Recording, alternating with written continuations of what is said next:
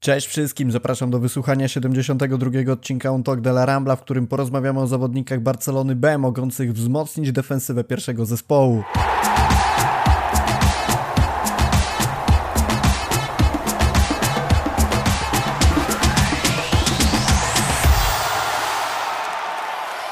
Comiesięczną tradycją naszych podcastów staje się udział Piotrka Guzińskiego, specjalisty od zawodników z zaplecza pierwszej drużyny Barcelony. Dzisiaj pogadamy o tym, które młode talenty mogą przebić się do ekipy kierowanej przez Xaviego Hernandeza i być może nawet wygryźć ze składu aktualnych defensorów. Cześć Piotrek, to zawsze duża przyjemność gościć Cię tutaj. Cześć. Żeby dobrze zrozumieć, dlaczego rozmawiamy o wprowadzaniu młodych zawodników do pierwszej drużyny, musimy sobie spojrzeć na to, kogo obecnie pierwsza drużyna w składzie ma. Wiemy, że te rotacje w obronie szykują się, czy to ze względu na formę, czy to ze względu na wiek zawodników. E, Piotrek, pierwsze pytanie do Ciebie. Kto z obecnej linii obrony powinien zostać w Barcelonie na przyszły sezon, a kogo tak jednoznacznie raczej byś pożegnał? Na 100% y, w Barcelonie musi pozostać Ronald Araujo, bo to jest zawodnik, na którym powinna być budowana przyszła linia defensywy Barcelony. To jest ktoś, na, na kim można polegać, kto prezentuje wysoką formę, y, nie przegrywa zbyt wielu pojedynków i tutaj Urugwajczykowi trzeba po prostu zaoferować dobry kontrakt i liczyć, że uda się go zatrzymać na dłuższy okres. Ja bym jeszcze w tym gronie wymienił Erika Garcia, bo to ciągle jest perspektywiczny zawodnik, który nie pokazał pełni swoich możliwości, a, a wiemy, że te może osiągnąć dosyć duże pod wodzą Szawiego. E, zastanawiam się, jak patrzysz na takie postaci jak chociażby Jordi Alba czy Gerard Pique. Wiemy, że ich przygoda z Barceloną zmierza ku końcowi, ale czy ten sezon, który obecnie trwa 21-22 będzie ich ostatnim, czy jeszcze na przyszły sezon w Barcelonie zostaną? Pojawiły się pogłoski, które mówiły, że to jest ostatni sezon Pique w Barcelonie i podobno Hiszpan ma zamiar zakończyć karierę, ale trzeba przyznać, że pod wodzą Szawiego Gerard pokazuje się z naprawdę bardzo dobrej formy i w wielu meczach był jednym z najlepszych zawodników. Jeżeli zdecydowałby się na pozostanie na kolejną kampanię i, i zaakceptowałby rolę rezerwowego, który grałby w meczach ze słabszymi rywalami albo wchodzi na ostatnie minuty, to ja jestem jak najbardziej otwarty na taką opcję. A co do Jordiego, to myślę, że to jest cały czas klasowy piłkarz. Jednak nie jest już tak pewny jak to było kilka lat temu. Częściej zdarzają mu się błędy w obronie, potrafi gubić krycie i z lepszymi rywalami znacznie częściej się gubi. Na pewno Jordiemu przydałaby się konkurencja w postaci, e, w tej chwili mogę myśleć tutaj o, o Gai z Walencji lub chociażby o Alejandro Balde z rezerw. A to w takim razie, jak już jesteśmy, jak poruszyłeś ten temat Alejandro Balde, y, co obecnie dzieje się z tym piłkarzem? Bo e, przez dłuższy czas wymienia, wymieniało się go jako właśnie takiego naturalnego zastępcę Alby. Były nawet takie próby wprowadzania go do pierwszego zespołu, czy to z ławki, czy to jakieś pojedyncze mecze w pierwszym składzie. Na ten moment e, Balde rozegrał 16 minut z Bayernem w Lidze Mistrzów, 3 minuty z Dynamem Kijów. Jeżeli chodzi o mecze ligowe, to to są 42 minuty z Granadą, 10 z Alaves, 45 z Celtą i zaledwie jedna minuta z Elcze. Wiemy, że on miał kontuzję pleców, ale czy kontuzja i ta przypadłość, która go, dopadła go teraz, a której nie możemy głośno mówić, bo YouTube tnie nam zasięgi, e, to są jedyne przyczyny braku jego występów, czy jednak ten jego talent talent został trochę przeszacowany według ciebie i jednak nie wkradnie się do pierwszego zespołu, tak jak to przewidywano? To nie jest na pewno łatwy sezon dla Balde. Niedawno leczył kontuzję, wypadł z gry na ponad miesiąc. Teraz pojawiły się kolejne problemy i tak naprawdę w tym sezonie tylko w dwóch meczach z rzędu pojawił się w wyjściowym składzie i tylko dwukrotnie przybyło na murawie przez pełne 90 minut. I możliwe, że to jest powód jego braku gry w pierwszym zespole. Możliwe, że Xavi chce, żeby Balde nabrał większego doświadczenia w rezerwach, grał regularnie i zdobywał te minuty częściej, bo w tym sezonie gra jedynie sporadycznie. Z San Fernando i Villarrealem B był jednym z najlepszych zawodników na murawie a potem znowu przestał grać. Okej, okay, a wróćmy w takim razie jeszcze na chwilę do tych obrońców pierwszej drużyny, bo pominęliśmy sobie kilka nazwisk. Wiemy, że e, Samuel Umtiti to jest człowiek, który prawdopodobnie z Barceloną pożegna się, czy to w zimowym, czy to letnim oknie transferowym i wydaje się, że dla niego nie ma już nadziei. Ale jest jeszcze kilka takich nazwisk, o które chciałbym Cię zapytać w kontekście też poszukiwania ewentualnego zastępstwa w drużynach rezerw. E, Oscar Mingeza, Sergi Roberto, Dani Alves, jeżeli chodzi o prawą obronę. Ten mecz e, w Pucharze Króla, który zakończył się dosłownie chwilę przed tym, jak włączyliśmy nagranie, pokazał, że Dani Alves mimo wszystko pewnie będzie rozpatrywany bardziej jako pomocnik niż jako wahadłowy, ale gdzieś tu sobie go wynotowałem jako potencjalnego prawego obrońcę. E, jak ty postrzegasz takich właśnie piłkarzy jak Oscar Mingeza, Sergi Roberto i może od razu przeskoczę do następnego tematu, jakim jest Clement Longle. Moim zdaniem Mingeza i Roberto to są co najwyżej piłkarze na ławkę rezerwowych i uważam, że Oscar to nie jest piłkarz, na którym można budować kadrę. To jest piłkarz bardzo niepewny, u którego jeden błąd napędza kilka kolejnych. Brakuje mu chłodnej głowy, często gubi krycie, słabo radzi sobie w pojedynkach z dynamicznymi napastnikami i chociażby ten sezon pokazuje, że, że błędy w defensywie zdarzają mu się praktycznie w każdym meczu. Chociażby e, w spotkaniu pucharowym nie upilnował strzelca bramki i myślę, że latem przyjdzie pora, żeby po prostu pożegnać się z nim i przyjąć ofertę. Mówiło się, że jego pozyskanie zainteresowane jest Real Betis i liczę, że, że to zainteresowanie powróci jak najszybciej. Sergi Roberto z kolei od jakiegoś czasu prezentuje bardzo przeciętną formę i uważam, że najlepszym wyjściem byłoby pożegnanie się z nim, bo jedynym, jedyną opcją jest to, że Sergi przedłuży umowę i zdecyduje się na znaczne obniżenie pensji i zaakceptuje rolę rezerwowego.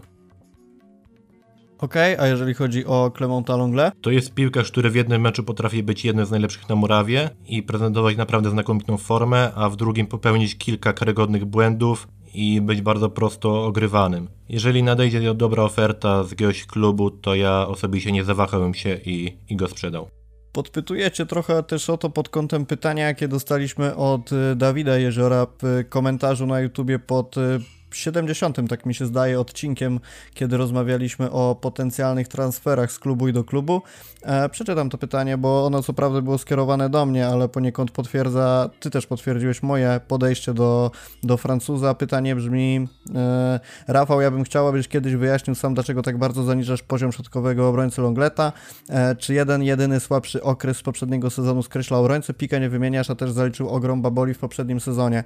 I rzeczywiście możemy podejść do Francuza w ten sposób, że jest to zawodnik, który prezentuje dosyć taki stabilny poziom, natomiast ten poziom nie jest specjalnie ani wysoki, ani też nie wybija się w pojedynczych meczach na bardzo wysoki poziom. Mam na myśli to, że po prostu ustalił się na pewnym tam regularnym, standardowym gdzieś pułapie i, i nie wybija się ponadto. Natomiast często notuje takie karygodne błędy, które mocno rzutują na moją ocenę.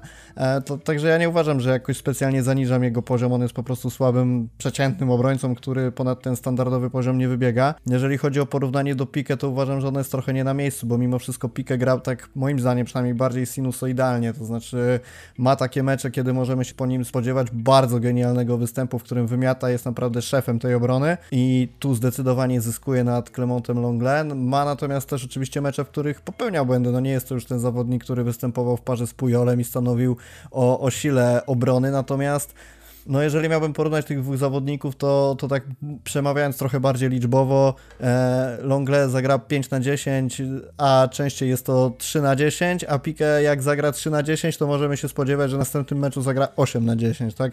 E, to mam trochę na myśli. Dlaczego jeszcze ja przekreślam osobiście Clemonta Longle?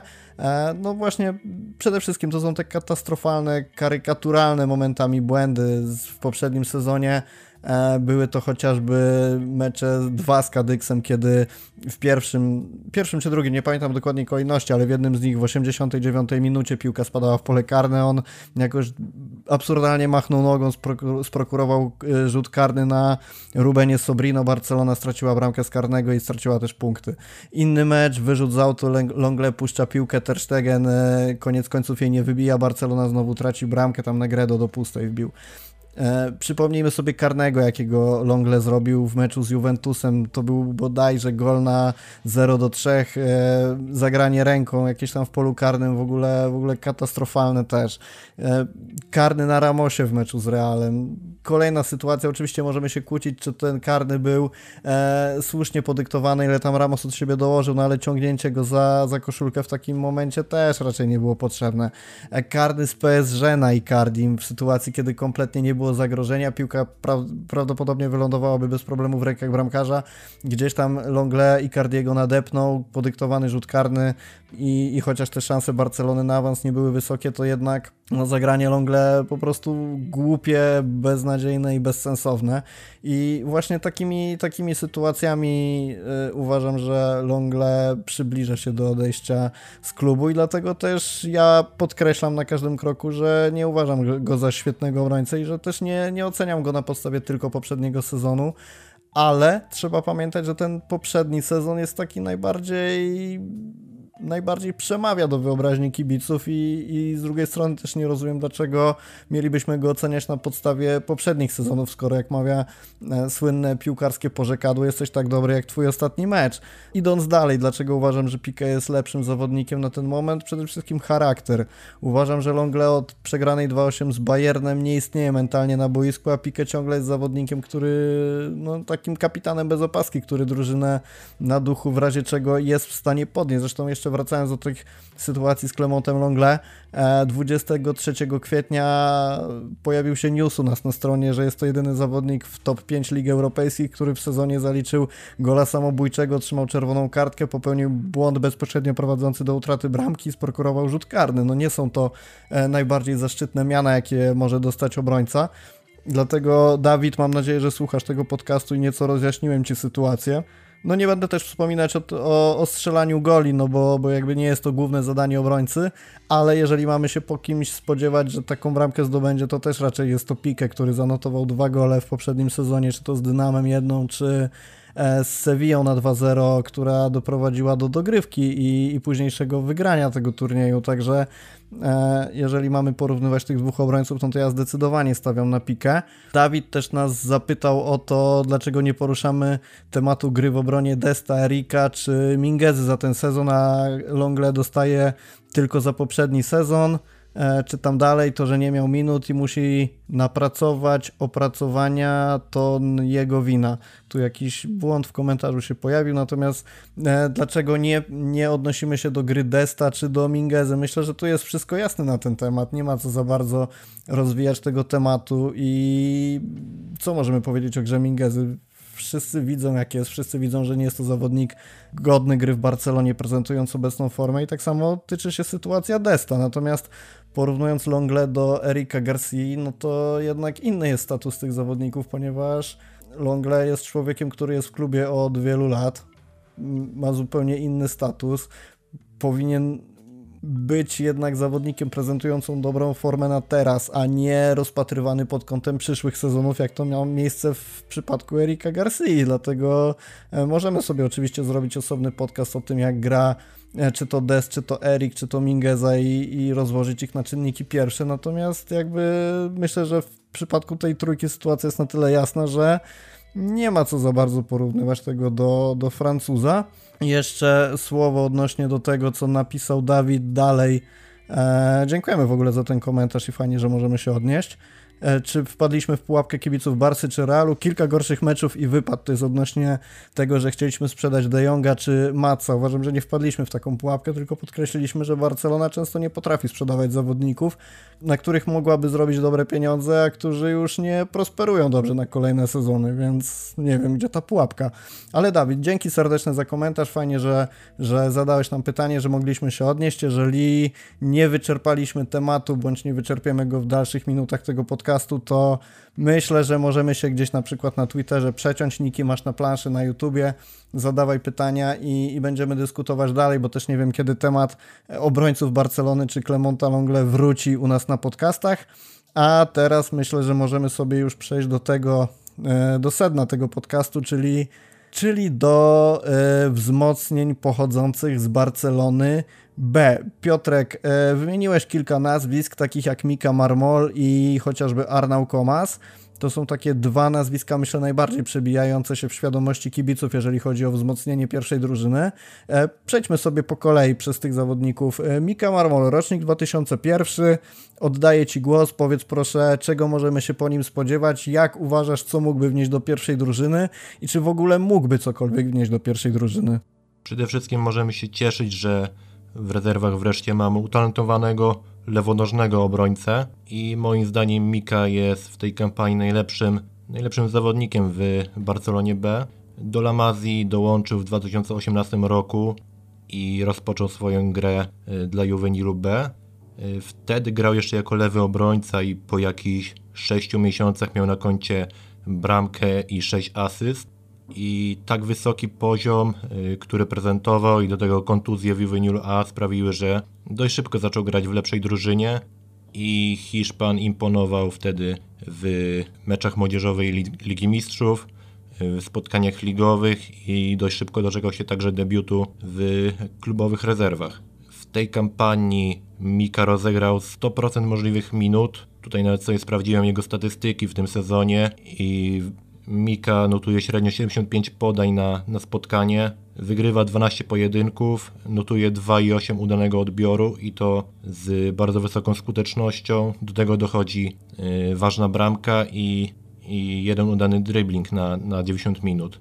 Myślę, że to są bardzo, bardzo dobre statystyki jak na środkowego obrońcę i według mnie to jest obrońca niemal kompletny, bardzo inteligentny, świetnie grający na wyprzedzenie, mocny w pojedynkach 1 na 1. Dodatkowo może być opcją na, na lewą obronę i świetnie radzący sobie z piłką przy nodze. Ktoś taki na pewno może mieć przyszłość w pierwszej drużynie i liczę, że wkrótce doczekam się jego debiutu w pierwszej drużynie. Już dzisiaj miał taką okazję, ale trochę okoliczności tego spotkania nie, nie pozwoliły mu na to, żeby wszedł na te końcowe minuty, ale to jest piłkarz, który jest obdarzony moim zdaniem bardzo dużym potencjałem i liczę, że jeszcze w tej kampanii Xavi da mu szansę. Takim minusem y, w jego przypadku są trochę jego warunki fizyczne, na poziomie y, trzeciej ligi nie są one tak widoczne, ale już na tym najwyższym poziomie i w pierwszej ekipie mogą być czasami problemem z doświadczonymi napastnikami La Ligi którzy są znacznie lepiej zbudowani i, i też silniejsi. Jednak to jest na pewno chłopak, który zasługuje na szansę. No, według Mundo Deportivo e, Mika Marmol był, e, był czy nadal jest e, pod lupą Borussii Dortmund i Sewilli jest obserwowany przez nich i rozważany pod kątem transferu. Wymienia się też, że jest to zawodnik jeden z najbardziej lubianych w ogóle przez Szawiego, także e, to powołanie, które dostał na, na kolejne mecze, bodajże pierwsze powołanie, jakie dostał, jeśli się nie mylę, to był mecz na mecz z Majorką, też, też w tym meczu niestety nie wystąpił, chociaż ja szczerze mówiąc bardzo na to liczyłem, bo podobnie jak e, ty oczywiście z mniejszą wiedzą na ten temat, ale uważam, że jest to chłopak, który może się w pierwszym zespole pokazać i, i chętnie bym go zobaczył na nie tylko w jakichś końcowych minutach, ale w dłuższym czasie, żeby pokazał pełnię swoich umiejętności, na tyle ile to możliwe e, w, w debiucie oczywiście. E, jak byś go widział w pierwszym zespole? Z kim najlepiej by się uzupełniał w tej parze stoperów? Czy może raczej widziałbyś go w jakiejś formacji z trójką obrońców z tyłu, e, żeby otaczali go, nazwijmy to tak trochę w cudzysłowie, bardziej doświadczeni koledzy, jak chociażby Araujo czy Pique? Myślę, że Mika powinien grać jako środkowy obrońca i prawdopodobnie najlepiej by wyglądał w duecie z Ronaldem Araujo, który w przeciwieństwie do Miki jest lepiej zbudowany i silniejszy i te braki Marmola w warunkach fizycznych nie byłyby aż tak widoczne. To ciekawe rozwiązanie, bo szczerze mówiąc bardziej się spodziewałem odpowiedzi, że lepiej by wyglądał e, Spikę, który też w tych meczach widać jak podpowiada swoim partnerom z obrony. Tak mnie się rzuciło w oczy, że w tym meczu właśnie mm, Pucharu Króla instruował Erika Garcia przed rozpoczęciem drugiej połowy, jak tam ma się poruszać po boisku, jak grać i było to takie bardzo znamienne, jak Pique podchodzi do młodszych partnerów w obronie i też kojarzy mi się taka sytuacja, jak Pique wracał do Barcelony i takim jego mentorem był Pujol. Zastanawiałem się, czy nie odpowiedział powiesz właśnie, że Pique. No ale też patrząc na to, że Barcelona musi, e, musi się rozwijać i musi patrzeć w przyszłość, być może rzeczywiście Ronald Araujo byłby e, lepszym rozwiązaniem, a tym bardziej biorąc pod uwagę, że patrząc na Araujo, to ja mam wrażenie, że może stażem ten chłopak nie ma wielkiego doświadczenia, ale patrząc na samą grę nie wiedząc ile ma lat i ile czasu jest w pierwszym zespole, to, to w ogóle te, ten nazwijmy to brak doświadczenia wcale się nie przebija do świadomości. Arnał Komas, czyli rocznik 2000, kapitan drugiego zespołu, e, to jest nazwisko, które funkcjonuje u nas na stronie już od jakiegoś czasu. Również zawodnik powołany na Majorkę, natomiast y, mówi się o nim rzeczywiście już od y, stosunkowo bardzo dawno, ile można tak mówić o chłopaku, który ma gdzieś tam 20-21 lat. E, z, zadam Ci takie pytanie, zanim przejdziemy do jego profilu gry. Dlaczego on jeszcze nie przebił się do pierwszej drużyny, biorąc pod uwagę, ile się o nim mówi? Myślę, że prawonożnych środkowych obrońców w Barcelonie jest aktualnie wystarczająco i Komas, pomimo tego, że w poprzednim sezonie prezentował naprawdę wysoki poziom, to zdarzały mu się też błędy. Często gubił krycie, strzelił w chyba w dwóch spotkaniach samobuja ja osobiście uważam, że to jest piłkarz solidny, który ma potencjał, by grać na solidnym poziomie w La Lidze, ale pewnego poziomu nie przeskoczy. I tutaj trochę mi się tak nasuwa porównanie do Czumiego, który też sobie radził w rezerwach bardzo dobrze, Zadebiutował w Pucharze Króla i tak naprawdę tyle go widzieliśmy w pierwszym zespole. To mnie z kolei przychodzi do głowy, być może zupełnie też absurdalnie, ale porównanie do Kojado, o którym się też sporo mówiło w kontekście wzmocnienia pierwszego zespołu, a wiadomo jak się skończyła jego, czy też kończy, czy no nie wiadomo jak będzie wyglądać kontynuacja jego kariery w Barcelonie, ale e, abstrahując oczywiście od, od pozycji, czy od tego jaką jakość prezentują ci zawodnicy, to też ten komas gdzieś tam się przesuwa przez te newsy, przesuwa, przesuwa, przesuwa, ja tak trochę czekam aż w końcu się pojawi w zespole, będziemy mogli go oglądać, okazuje się, że no potwierdzasz trochę to, co ja przypuszczałem, że, że jest to dużo wzmianek, natomiast nie, niekoniecznie broni się swoją jakością piłkarską, aczkolwiek mimo wszystko podtrzymuję, że, e, że, że chętnie bym go zobaczył. Mm, taka ciekawostka, bo też przygotowując się do tego podcastu nie ukrywam, że musiałem trochę przekopać newsów, bo Barcelony B nie oglądam dużo, natomiast 22 stycznia 2013 roku, czyli jak e, Arnau Komas miał 13 lat, został wybrany zawodnikiem turnieju, MVP kilku turniejów w zasadzie, e, co jak, e, jak zostało przedstawione było w ogóle jakimś ewenementem, bo piłkarzy Barcelony na tamten okres, tych młodzieżowych zawodników e, nagród MVP zgarniało bardzo niewielu i przede wszystkim byli to zawodnicy, biorąc pod uwagę oczywiście wszystkie te turnieje, wszystkich zawodników zgarniających nagrody, zawodnicy odpowiedzialni za kreowanie gry bądź strzelcy bramek, także jak to zostało określone, szanse na to, że statuetkę MVP otrzyma obrońca były naprawdę minimalne, no sam fakt, że, że dostał to Arnau Komas już pewien sposób rzutuje na to postrzeganie go już na tamten okres jako kogoś, kto może karierę zrobić. Oczywiście zawsze musimy dodawać taką gwiazdkę i wyjaśnienie, że jak na chłopaka, który ma 13 lat, to ciężko coś przewidywać. E, natomiast no, sam fakt, że, że to MVP zgarnął w takich dosyć trudnych warunkach i, i biorąc pod uwagę, że jego idolem zawsze był Pujol, no to, to te marzenia o, o drugim Pujolu mogliśmy sobie gdzieś tam snuć, ale to tak słowem dygresji, bo, bo oczywiście te kolejne lata kariery, jakie, jakie przebył, jakie jeszcze przed nim na pewno go odpowiednio zweryfikują. Gdybyś miał wybrać, chociaż domyślam się twojej odpowiedzi, czy Marmol, czy Komas powinien skoczyć do Barcelony, to pewnie stawiasz na Marmola. Zgadza się. Moim zdaniem to jest znacznie pewniejszy zawodnik i ma też większy potencjał. Dobra, a w takim razie wspomniałeś też gdzieś e, jeszcze przed nagraniem o Diego Almeidzie. To jest chłopak z rocznika 2004, czyli no już powtarzałem to, jak omawialiśmy innych zawodników, ale ten rocznik 2004 mocno przebija się u nas na podcastach. Rozpoczął to wszystko Gavi oczywiście. Eee, kim Diego Almeida jest i czego możemy się po nim spodziewać? Diego Almeida gra e, w naszej szkółce tak naprawdę od dziecka i aktualnie jest jednym z najlepszych defensorów w, w Lamazji i zdecydowanie jednym z najbardziej utalentowanych. To jest piłkarz, który profilem przypomina nie, mi nieco Rafę Marqueza Jeśli chodzi o wyprowadzenie piłki, to radzi sobie w tym aspekcie naprawdę fantastycznie. Zadziwia mnie fakt, w jaki sposób i z jaką łatwością potrafi Diego przyspieszać akcję.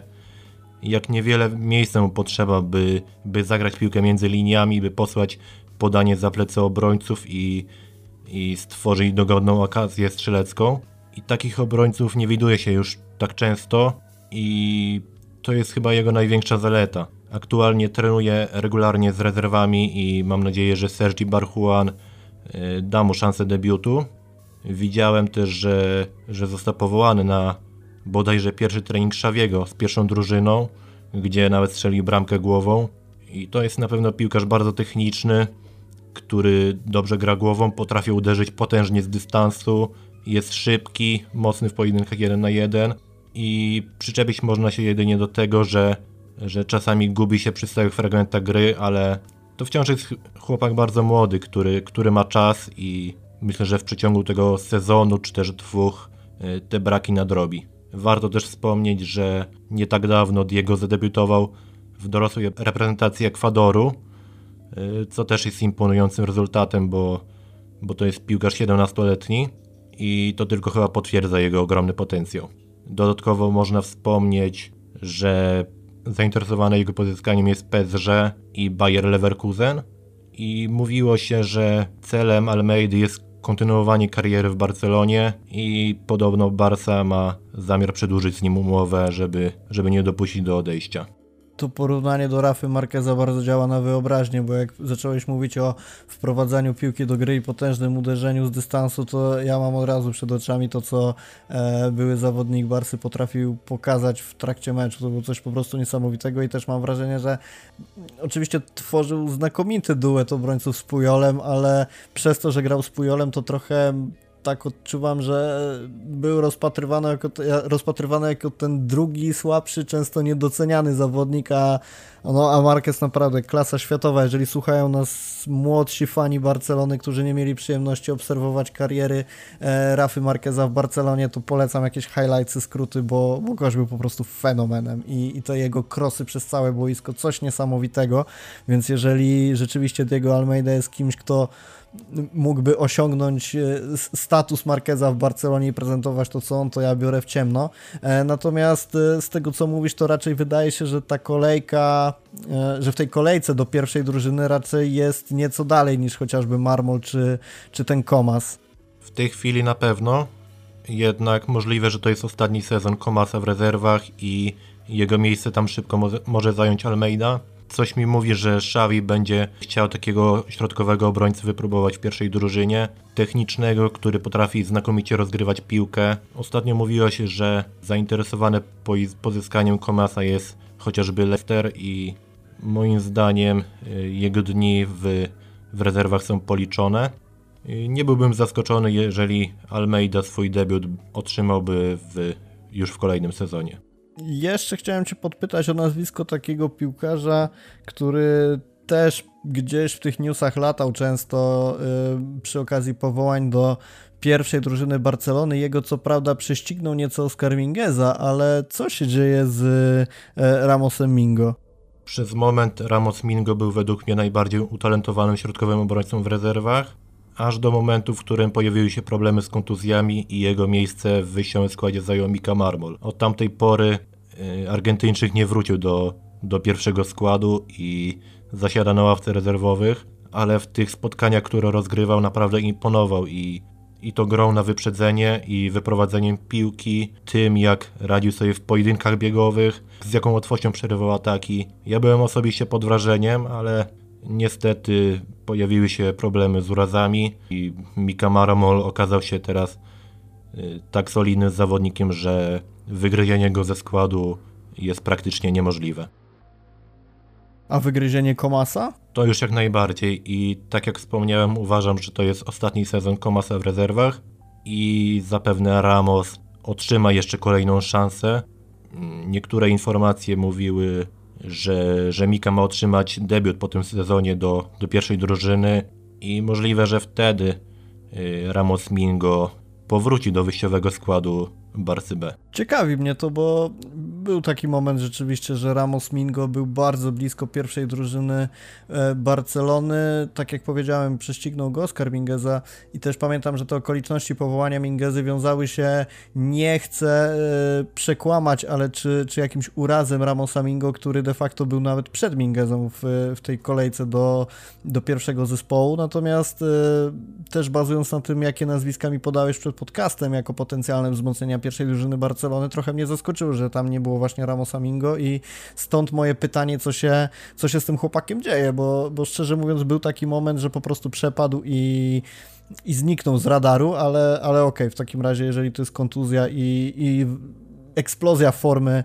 Miki Marmola, to, to dla mnie jest to jak najbardziej wszystko zrozumiałe. Czy są jeszcze jakieś nazwiska w Barcelonie B, czy też w młodszych drużynach, które warto wziąć pod lupę i obserwować, nawet jeżeli nie pod kątem przyszłego sezonu, to być może kolejnych, yy, które nadejdą dopiero i, i na kim powinniśmy się skupić, obserwując obrońców Barcelony, szukając tej alternatywy dla odchodzących, miejmy nadzieję, czy to Umtitiego, czy, czy Longle, ale być może masz też jakieś wzmocnienia nie tylko na środek obrony, ale na pozycje bocznych obrońców w Barcelonie B. Powiedzieliśmy sobie o, o Balde, ale czy ktoś tam jeszcze się szykuje? Na, na prawej i lewej obronie aktualnie y, w rezerwach nie ma zbyt wielu utalentowanych zawodników. Na tej lewej flance w szkółce kilka nazwisk by się znalazło, ale to już są głównie y, sekcje juvenilu B, czy też kadet A lub kadet B, więc na razie można się wstrzymać z komentarzami i przewidywaniem, czy mają oni szansę na dotarcie do pierwszego zespołu.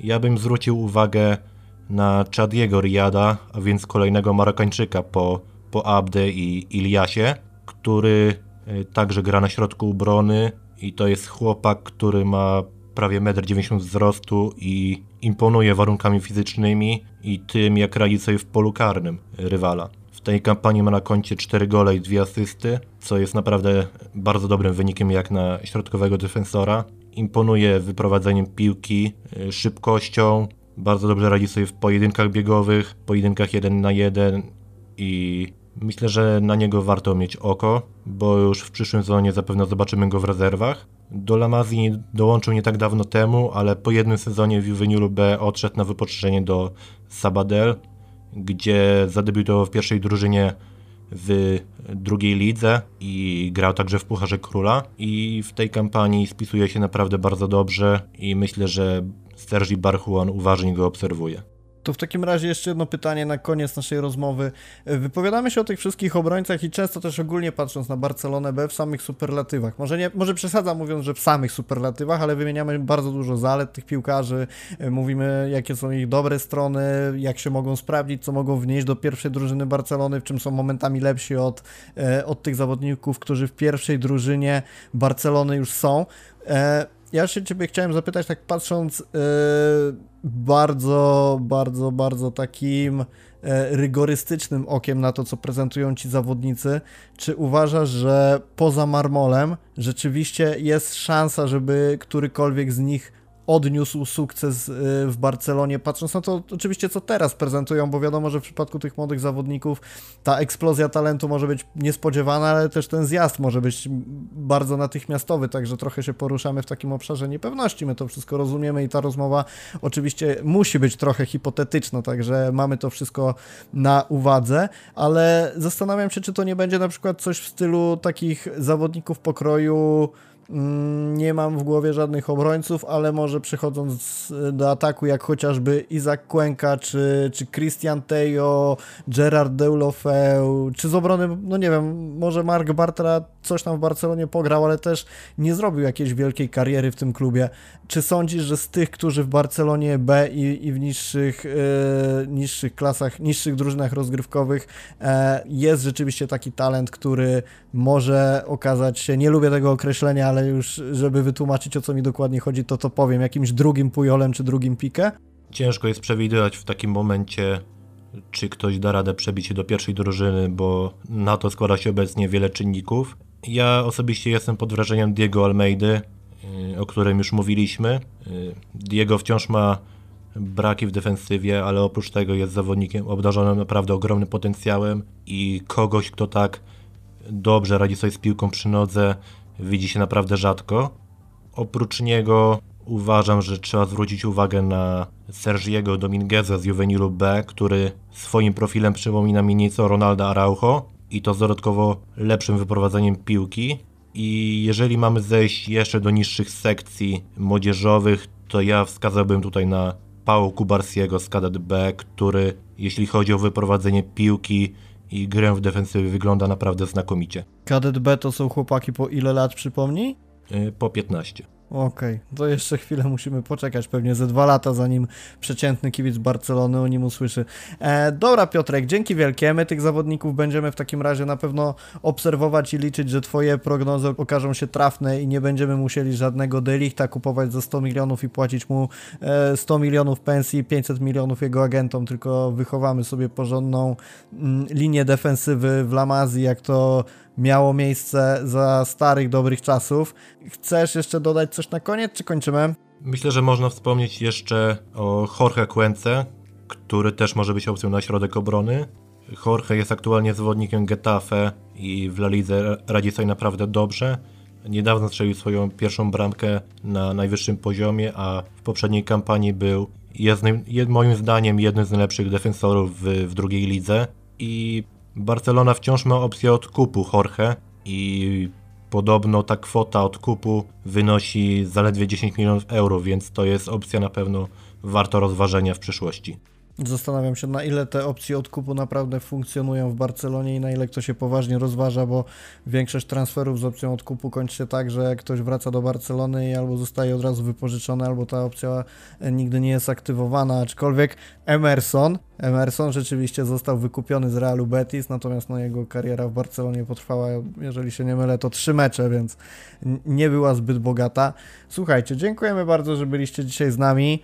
Życzymy wszystkiego dobrego w nowym roku. Poprzedni podcast, który pojawił się w 2022, był jeszcze nagrany z życzeniami noworocznymi na nadchodzący rok. Teraz już po przekroczeniu tego, tej magicznej granicy 21 i 22 roku możemy się z Wami e, tym podcastem przywitać, życzyć sobie wszystkiego dobrego. Dzięki, że jesteście z nami. Gwarantujemy, że w tym roku znowu będziemy nagrywać. Dalej będziemy e, dostarczać Wam świeże informacje, wspaniałe newsy. Będziecie mogli y, czytać, słuchać jak tylko chcecie. Serdecznie zachęcamy do subskrypcji naszego kanału na YouTubie.